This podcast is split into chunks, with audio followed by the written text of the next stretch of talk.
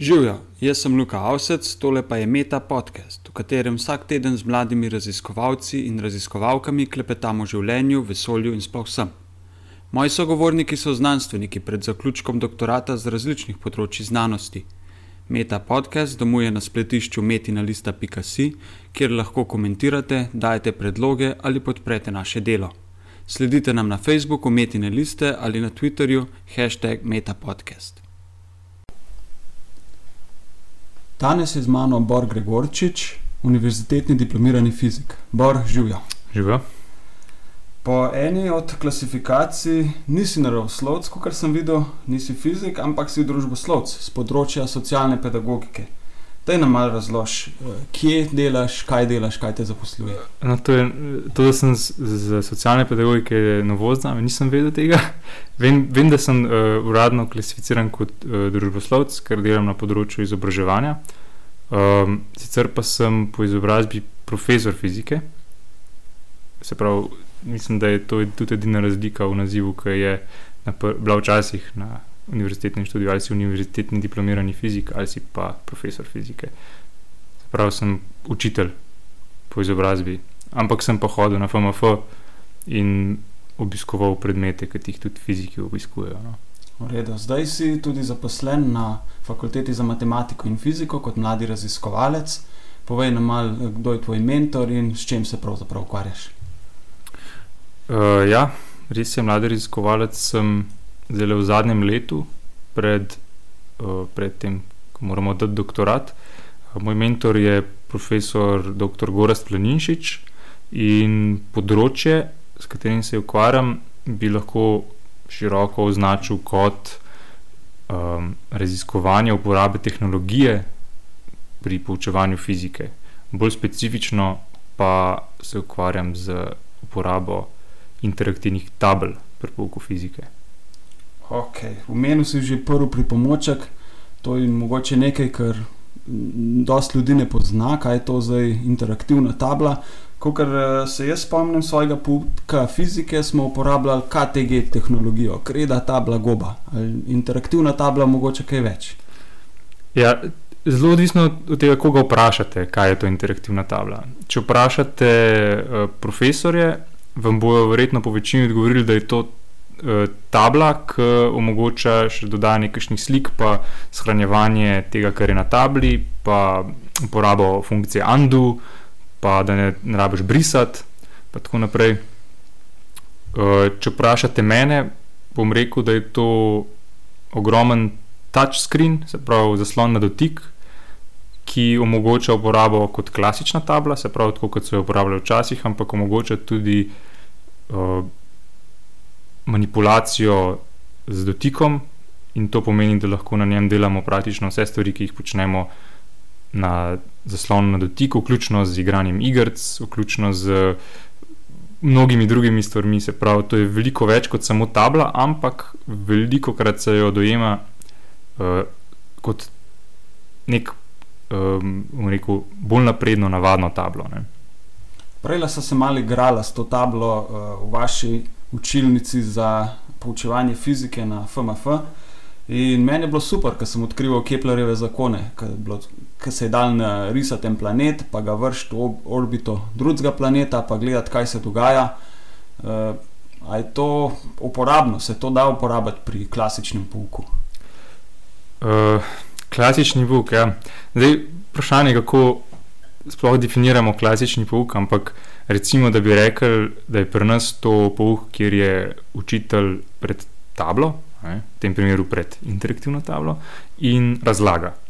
Učenci so pa v klopeh in naj bi poslušali. Mislim, da je to ta tradicionalni ja, način, ki sem ga imel v mislih. Ja. Ja, uh, V tem primeru, seveda, lahko to uporabimo tako, da učitelj meče planete v orbito, da ob tem razlaga, kaj se dogaja, ampak um, vse raziskave v izobraževanju in tudi v fizikalnem izobraževanju kažejo, da to ni najbolj efektiven način poučevanja, zato ker se pri tem dijakov, oziroma tudi če bi to delali v osnovni šoli učencev, na ta način ne angažira kaj dosti bolj kot pri navadnem predavanju.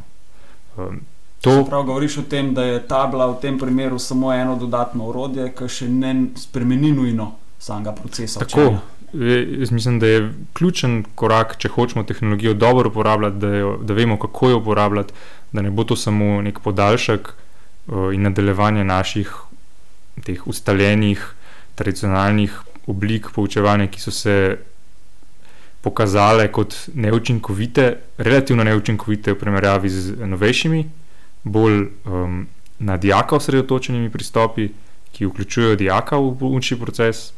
Uh, po drugi strani se pa um, nekako držijo te tradicionalne oblike, zato ker imamo z njimi največ izkušenj, največ izkušenj imamo pa zato, ker smo bili, bili vsi izpostavljeni. Tako da novi učitelji, ki se učijo pri nas uh, tudi nove, eh, drugačnih pristopov k poučevanju fizike, morajo uh, se zelo potruditi, da lahko presežejo neke te ustaljene vzorce, s katerimi so bili pravzaprav, kaj pa vem, 12 let. 12 let so z njimi živeli, ne? če niso imeli sreče, pa imeli kakšnega profesorja, ki je drugač pristopal k stvarem. Um, vidimo, da se malo ljudi odloči za študij naravoslovja, danes še vedno, ne? čeprav se ta trend izboljšuje, ampak um, delno lahko tudi, mislim, da ukrivimo pristop Mhm. k poučevanju. Sprav, zdaj vem, da v zadnjem času nekatere šole že intenzivno kupujejo take pametne table. Pa, uh, vem tudi, da na pedagoški fakulteti ne poudarjajo ne vem koliko uh, uporabe teh tabel pri poučevanju. Uh, a se ti zdi to problem ali kako bi zdaj s tem? Ja, težko bi rekel tudi, da bi jih mi na fakulteti za matematiko in fiziko, ne, na, um, pri predmetu didaktika fizike, recimo, kjer izobražujemo bodoče profesore fizike, uh, da bi dajali mi poudarek na uporabi teh tabel, čeprav jo imamo. Ne. Um, zato, ker se mi mogoče še bolj pomembno kot to, da se naučimo uporabljati to orodje, to specifično orodje, se mi zdi pomembno, da se učitelje pripravi na način dela, ki bo bolj efektiven. Se pravi, ne samo bolj efektiven v tistem ne, vem, smislu, da bojo več vsebine obdelali, ne, to je že samo po sebi zelo problematičen koncept, obdelati vsebino. Ne. To, ker vsebine ne obdela profesor, vsebino morajo obdelati uh, dijaki in dijaki ne morejo obdelati vsebine tako, da jo poslušajo. Se pravi, pri pouku bi se mogli dati več podarka na to, da dijaki sami delajo, da sami raziskujejo in potem ob pomoči profesorja stvari um, konsolidirajo, ne, če temu tako rečemo. Se pravi, govorijo o nekem uh, konceptu aktivnega učenja. Ne? Gre za eno čist radikalno spremembo filozofije poučevanja, ne pač samo za eno konkretno orodje. Ja, mogoče se pri nas ta ideja zdi dokaj radikalna, ampak je v resnici že precej stara. No? Um, je več pri, ne, pristopov k temu, kaj pomeni aktivno učenje, ampak um, so bolj radikalni, manj radikalni, ampak vsi imajo nekako ta skupen imenovalec, da uh, morajo vključevati aktivnosti na strani dijaka. Ne? Sprav ni dovolj samo poslušanje, nujno morajo uporabljati um, svoje možgane na bolj kompleksne načine, sprav morajo načrtovati dejanja uh, in od njih dobiti potem tudi nazaj uh, odzive, ne, feedback, na katerem gradijo svoje znanje. Pravzaprav gre za, za koncept oziroma razumevanje tega, kaj znanje sploh je, ker um, veliko krat se znanje, se mi zdi, še vedno pri nas tako nekako na implicitni ravni se ga obravnava kot nekaj, kar se da prenesti iz glave profesorja v glavo dijaka. In je to proces, ki ga v nekako šoli spremljamo. Ne. Uh, Medtem ko eh, aktivno učenje smatra znanje ne kot nekaj, kar se da prenesti, ampak kot nekaj, kar mora vsak posameznik zgraditi. In zgradimo ga lahko samo tako, da se angažiramo. Jaz izrazito upam, da v tole vdajo poslušajo tudi kakšni pedagogi, ki bodo prišli uh, se še kaj do izobraziti, kje to lahko naredijo. Ali recimo, če, če si učitelj fizike, ali se te učitelji kaj izobražujejo, kako je s tem za vse nas ostale, ki Ja. recimo nismo učitelji. Jaz mislim, da pedagogi imajo eno v bistvu zelo težko nalogo. ne. Oni, jaz sem pripričan, da se jih veliko zaveda pomankljivosti, ki jih ima tradicionalni pouk in prednosti, ki jih ima, uh, recimo, temu, če to damo pod en tak Interaktivni Klobuk. pouk. interaktivni ali pa aktivni pouk. Ampak v praksi je to težko izvedljivo, oziroma tako rekel, veliko izzivov za profesore, učitelje, ki se lotijo tega. Ne. Uh, čist praktičnih, ne, kako je to narediti, kako pripraviti cel razred, da nekaj počne, kako nadzorovati to, kako preprečiti, da bi pri tem zabušavali ali pa da bi pri tem ne bi, ne bi počeli tistega, kar je nekako res od njih pričakovano. Ne. Tako da um, mogoče se najlažje tega navadiš tako, da imaš par izkušenj s tem. In definitivno lahko uh, to vrstne izkušnje ne, dobijo tudi zdaj v zadnjih letih profesor Planišič. Uh, začenja organizirati tudi bolj interaktivne delavnice na temo, uh, se pravi, za profesore. Tukaj na fakulteti imamo tako rekoč neko stalno strokovno popolnjevanje učiteljev fizike, na katerem se lahko oni, kako si mu rekel, raž, malo razširjajo obzorja še z novimi temami in zadnje čase tudi z novimi pristopi k poučevanju, ne, kar, kar je super. Ker če nimaš tem izkušenj, si težko predstavljaš, kako boš to naredil. Se pravi, da ima ta očiten problem. Ne? Lahko tle filozofirava, kako bi bilo fajn poučevati, pa kako bi bilo super, da učenci sami poustvarijo znanje in tako naprej, ampak v eh, praksi najbrž to težko izvedljiv. Pa, se pravi, vse pa to premika nekako iz teh uh, hodnikov, fakultet in uh, teh soban, ki jih imamo tle v, v prakso. Ja, Mogoče bi zelo težko rekel, da, da ta stvar v praksi ne obstaja. Ne? Jaz sem pripričan, da so profesori, učitelji, ki se zelo dobro tega zavedajo in to delajo že vse čas. Ne? In bojo mogoče rekli, da mi tukaj toplo vodo odkrivamo. Um, se pravi, problem je samo v tem, da so redki tisti, ki, ki to rekel, že sami po sebi izvajajo na tak način. Ne? In da je prav, da se na neki, na neki točki začne te filozofije, recimo, s to filozofijo seznanjati že tudi ljudi, ki pa morda niso imeli sreče, pa imeli dobrega profesorja. Ne. Vemo, da se v glavnem učimo prek izkušenj.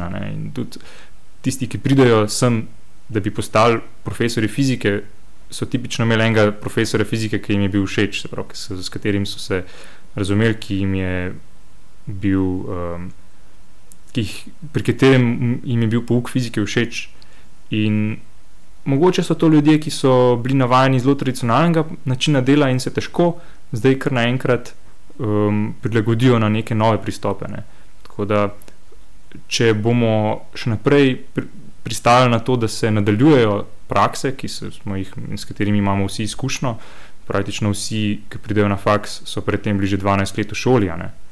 In če so 12 let poslušali pouk na en način, uh, ni nič nenavadnega, da nadaljujejo kot učitelji na isti način naprej. Ne? Tako da treba jih je v, že v, v učnem procesu izpostaviti drugačnim načinom. Ne? Mi se trudimo na FMF-ju um, to narediti. Se pravi, imate nekaj delavnic, izobraževanja, eno takih produktov bo konec koncev tudi tvoj uh, doktorat. Zdaj je vprašanje, ki ga ne smeš zastaviti nobenemu doktorantu, kdaj bo ta doktorant na voljo. Jaz se mislim, da je enkrat naslednjo leto. No. Aha, zelo dobro. Ga bomo polinkali na našo spletno stran, da, da bo no, splošno na voljo. No, eh, bom zelo vesel, če ga bo še kdo prebral, eh, razen mene. Komisije. ne, razen mene. dobro, smo razumeli. Uh, super. Uh, mogoče zdaj sam še par nerelevantnih, nepovezanih, globoko osebnih vprašanj, ki jih imam na meni zastaviti vsakem, vsakemu intervjuvancu. Prvo, katere teme poleg znanosti se ti še zdijo zanimive? Izobraževanje, pedagogika je sigurno ena od teh tem, ampak še kaj drugega. Ja, s tem implicirajo, da izobraževanje ni znanost. Dobro, spremem. Uh, ne, sej, to je zelo zanimivo vprašanje, v resnici, kaj sploh razumemo kot znanost. Uh, jaz sem kot fizik imel zelo velik um, težav, pa izzivov na začetku, ko sem se lotil raziskovanja v izobraževanju s tem, kaj so pravzaprav primerne metode. Um, ker fiziki smo navajeni kvantitativnih metod in mi lahko vse zmerimo. Če se nekaj ne da zmeriti, je takoj problem, ne? kaj boš pa zdaj o tem povedal. Ne? Lahko pišeš sama, je to res. Ne? V izobraževanju, pa nasplošno v družboslovju, so kvalitativne metode um, pogoste in tudi imel sem veliko dela s tem, da sem se jih priučil In moram reči, da zdaj, šele po ne, neku, dveh letih, prepoznavam njihovo pravo vrednost. Uh, sploh na področjih, ki tako rekel, niso vsa. To je nekako, mislim, da je m, citat Einsteina, mislim, da, to ne, da ne bomo zdaj preveč klišejski, mislim, da je od njega. No. Ampak je rekel, da niso vse stvari, ki so pomembne, merljive, in ni vse, kar je merljivo, pomembno. Se pravi, tudi to, če si nekaj sposoben dobro opisati, lahko velik prispevek k znanosti. Da. Ne bom kar rekel znanosti, zato ker verjamem, da je tudi družboslovje, je lahko znanost. Tako. Um, drugače pa, ja, da odgovorim v bistvu na vprašanje, ne, da sem se malo zakompliciral. Um, Polno stvari me zanima, um, mogoče glasba v prvi vrsti, pa zgodovina. To mi sta mi dve področji, ki me, ki me zanimata. Okay. Mogoče povezan s tem, katere znane ali pa neznane osebe bi povabil na večerjo, če ne bi bilo nobenih omejitev. O tem pa še nikoli nisem razmišljal. Ne kuhaš? Uh, kuham, kuham občasno. Um, kaj pa vem, vsake tok me prime, pa se lotim kakšnega recepta. No. Pol ponovadi izpopolnim en recept, pa ga še dolg časa delam. Uh, nisem, nisem tok, uh, ne upam si prenesti. Gosti bi prišli enkrat na večerjo, tako da to bi čišlo. Ja, no. Uh, zdaj, zdaj razmišljam, koga bi pravzaprav na večerjo povabil. To bi zelo težko bi na to odgovoril. Reda, ni problem. Kje se vidiš čez pet let, pa kje čez 40 let? Glede na to, da imaš že eno ja. leto delovne dobe. Uh, čez... Ne, prav dve leti delovne dobe imaš. No, že. vidiš, super. Uh, čez 40 let v penzionu? Ali? Mislim, da ta penzion ne bo tak penzion, kot si ga danes, uh, glavne, kakršnega danes poznamo, ampak um, upam, iskreno upam, da bo še možen. Tako. Čeprav če 40 let bom star kot 66. Mladi upokojenec. Tako je, ja. upam, da bom še tako vitalen, da se mi nav treba upokojiti. Čez pet let? Čez pet let, ja, to je pa bolj uh, pereče vprašanje. Ja. Ne vem, če bom dobil kakšno uh, mednarodno štipendijo, za katero se bom prijavil, ali pa če mi bojo ponudili če me bo spremljal na kakšnem razpisu za postdoktorskega sodelavca, bom mogoče šel za kakšno leto v tujino. Um, veliko takih mest je v Ameriki, um, kamor me sicer ne vleče preveč, ampak um, obstaja tudi ta možnost. Čez pet let pa bomo videli. No. Jaz sebe vidim lahko tako v akademskih vodah, kot um, v učiteljskih. In bi mi pravzaprav učiteljski poklic uh, kot imam z njim izkušen, nekaj časa sem tudi učil, mi je pravzaprav zelo uh, prijeten in ena tako dobra uh, kombinacija intelektualnih izzivov, pa, pa kontakta z ljudmi, no, ki mi veliko pomeni. Se pravi, za te dilema, guru ali raziskovalec, tako sladka dilema, oboje v redu. Ja, mogoče celo oboje. Pa guru bi bilo mogoče preveč, eh, ne preveč v duhu tega aktivnega učenja. Ne. To bi bilo mogoče bolj, če bi, se, če bi bil. In, če bi mi bil zelo všeč moj glas, pa bi zelo rad razlagal. Uh, mi, mi je veliko večji užitek videti, ko nekdo sam nekaj zgrunta, kot če mu jaz povem. Ti ni pravega užitka, ker te nekdo gleda, ampak ko pa vidiš, da se nekomu malo zasvetijo oči, ki je nekaj sam zgrunil, to je drugačno. Poseben občutek je. Če bi podedoval 15 hektarov zemlje, kaj bi z njo? 15 hektarov zemlje, kaj bi z njo? Hm. Kje pa bi bila ta zemlja? e, recimo na, nekje na slovenskem podeželju, kakšni. Aha, nekje na slovenskem podeželju. Hm. Ja, to je dobro vprašanje. Ne? Več opcije, ampak to recimo turizem je precej zanimiv. No. Mm. Uh, turizem bi, bi bila ena taka karjerna pot, ki bi se jo mogoče lotil, če, če, mi, če mi ne bi življenje bilo tako na ta način naklonjeno, kot mi je bilo zdaj, da ne bi dobil priložnosti delati na fakulteti, pa da ne bi imel takih predispozicij za, za fiziko, mogoče. Ne. Bi, bi sigurno, mislim, že zdaj me včasih prijeli tako, da bi kar kaj pa vem, mogoče sem preveč idealističen glede tega. Vem, da je to težek posel, ampak. Prvo fizikalno kmetijo odprtih vrat. Nisem še o tem razmišljal, ampak mogoče. Ti je, na, ti je lažje izbrati najljubše živo bitje, umetniško delo ali glasbeni komat? A živo biti je mišljeno živali, recimo. Pa recimo rastline, ne, pa še kakšno drugo. A je to tako, sorry, zdaj, ne morem iz svoje kože, ampak Okej. vedno moram, vedno moram bolj specifično ne. vprašati. Um, a to misliš tako, recimo eno specifično uh, žival, recimo domačo žival, ki jo imam? Ja, recimo, če bi rekel, Ja, me, jaz imam uh, um, enega psa, ki se, se zelo približa najljubši živali, ja, v bistvu, kar je. Uh, Drugač umetniška dela, pa to mi je pa vedno najtežje vprašanje, ne, najljubši komat. Tako se mi zdi, da če poveš, kjer komat je najbolj všeč, da, da te hitro utaknejo en predalček poslušalci. Okay, se strinjam. Boljš se zavrvati, pa neč povedati. uh, kaj si na zadnje prebral za zabavo? Za zabavo, umater. Mogoče bo. Dobar, če ni knjiga, lahko Mogoče Mogoče bo- najljubši ali pa Ne, ne, film zadnjih časov. Pravzaprav jaz sem zelo, um, o tem smo se mogoče že prej pogovarjali, ampak jaz sem zelo uh, tak zauzet poslušalec, zelo rad poslušam. In ponovadi knjige zato um, priskrbim v audio obliki, se pravi, tipično nekdo prebere knjigo in jaz jo poslušam na iPodu med, uh, med drugimi opravili, med, ko delam kaj tazga, kar ne zahteva. Predlagaš še naslov? Ja, meni je bil zelo zanimiv, recimo kriza v Ukrajini me je eh, tako intrigirala. Hotel sem vedeti več o tem, kaj se je v tem delu Evrope dogajalo v preteklosti ne? in sem si zato prebral Bloodlands od Timothy Snyderja.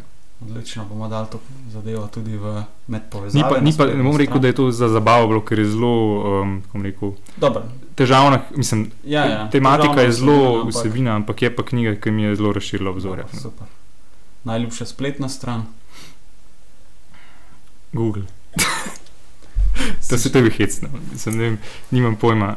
Um, kaj mi je bilo že zadnjič všeč? Um,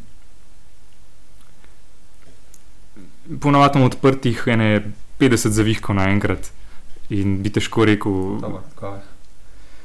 Si, še zadnje, mogoče si želiš več prostega časa in kaj bi z njim? ja, jaz mislim, da to več prostega časa definitivno želim. Z njim bi pa počel, mogoče ironično, zelo podobne stvari, kot jih počnem že zdaj. Tako da uh, sam tisto občutek, da se lahko res na kjer koli točki odločiš in rečeš tost, je veliko vreden, se meni zdi. No. Bor Gregorčič, hvala za pogovor. Poslušali ste Meta podcast. Pohvale, pripombe in predloge za bodoče goste nam lahko posredujete tudi po e-mailu na znanostafnametinalista.si, sicer pa nas poiščite na Facebooku Metine liste in na Twitterju, kjer mene najdete kot @yinlife, čivki o podkastu pa imajo hashtag metapodcast. Vse oddaje s povezavami na domače branje so doma na spletnem portalu metinalista.si, kjer lahko ta projekt tudi finančno podprete. Hvala in naslišanje prihodnič.